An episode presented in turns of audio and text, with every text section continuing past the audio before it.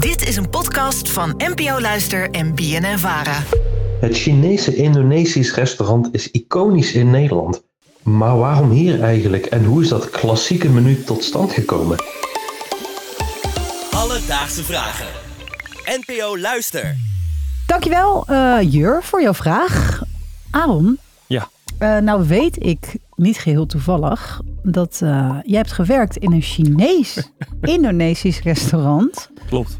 Met de naam Ni Hao. Ja, Nihao in Koevoorde. Ik werkte achter de balie en ik moest bestellingen aannemen. En eh, later op de avond ook eh, biertjes stappen en eh, frisdrank inschenken. En eh, ook al het inpakken van bestellingen die met zo'n klassiek liftje naar beneden kwamen. Dat was een grote uitdaging voor mij.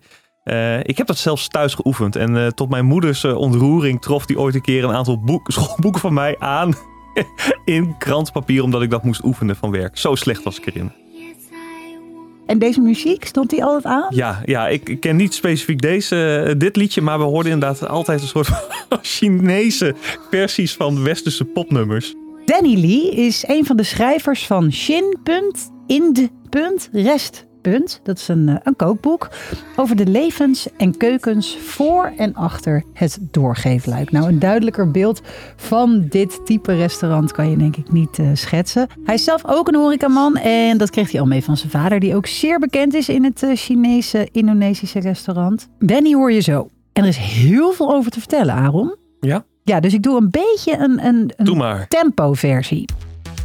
Tussen 1900 en 1930 werd de Chinese gemeenschap in voornamelijk Rotterdam en Amsterdam steeds groter. Deze groep mensen werkte vaak als havenarbeiders die actief uit China werden verleid om hier te komen werken.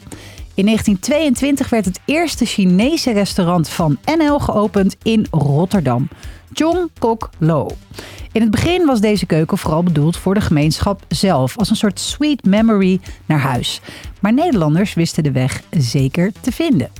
Waar ik even aan moet denken. Ik heb volgens mij op de middelbare school ooit geleerd, maar stond het ook echt in ons geschiedenisboek, dat eh, de eerste Chinezen naar Nederland kwamen om hier pindakoeken te verkopen. De pindakoekenverkopers waren vaak Chinese mensen die inderdaad hun eh, baan in de haven kwijt waren geraakt en eh, toch nog aan een zakcentje moesten komen. En nu even een kleine fast forward, eh, Aaron. Na de Tweede Wereldoorlog kwamen er veel mensen terug die gevochten hadden in toen nog Nederlands-Indië. En namen de Indonesische gerechten mee terug.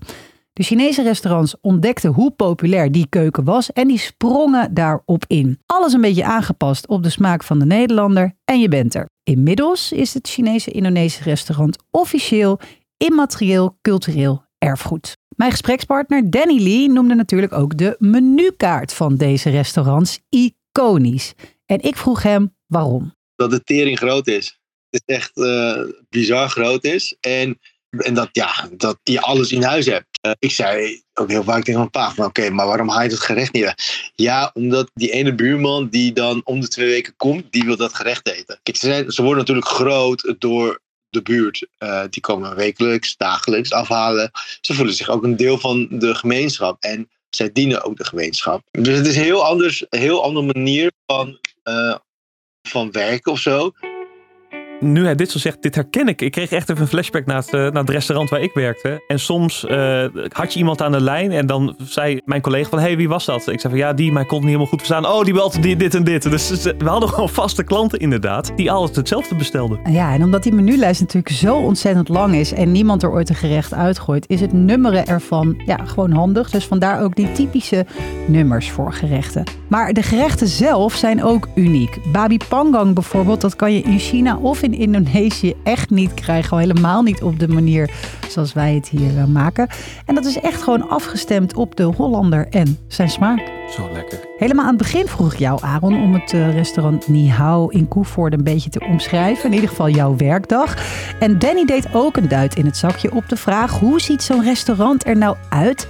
En vooral waarom? Nou, rodeo lampionnen, eh pagodendak en eh, een menukaart natuurlijk dat eigenlijk ook wel echt iconisch is aan eh Chinees-Indisch restaurants. En ik denk dat dat ook allemaal te maken heeft met, er is een goed lopende Chinees restaurant. En mensen gingen daar werken, mensen zagen, hey, dit werkt, ga je dan doen. Je gaat dan natuurlijk iets creëren dat erop lijkt. Rattanstoelen, je, je, je- je neemt dingen over. Hetzelfde wat je nu ook heel veel ziet. eh, heel veel zaken, koffiezaken, lijken allemaal hetzelfde. Vandaar dat je ook veel dezelfde namen vaak ziet, hè? zoals, nou, ni hao.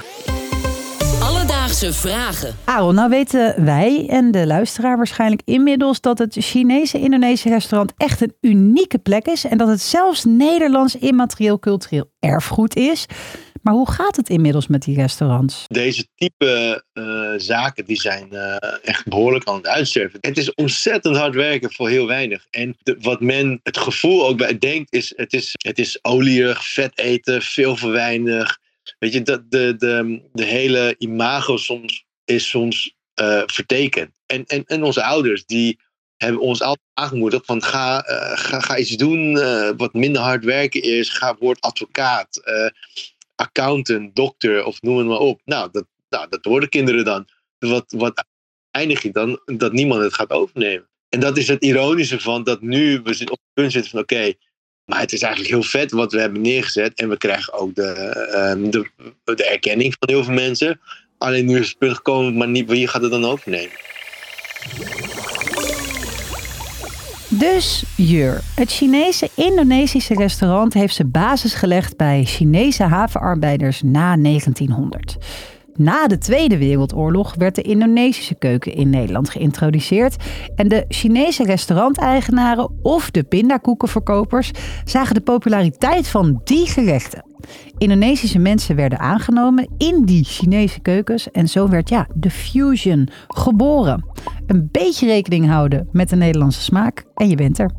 Heb je ook nog een vraag? Kun je ons ook een berichtje sturen? Je mag ons mailen op alledaagsvragen.bnnvaren.nl Maar je mag ook via Insta een bericht sturen en dat kan naar Alledaagse Vragen. Alledaagse Vragen. NPO Luister. BNN Vara.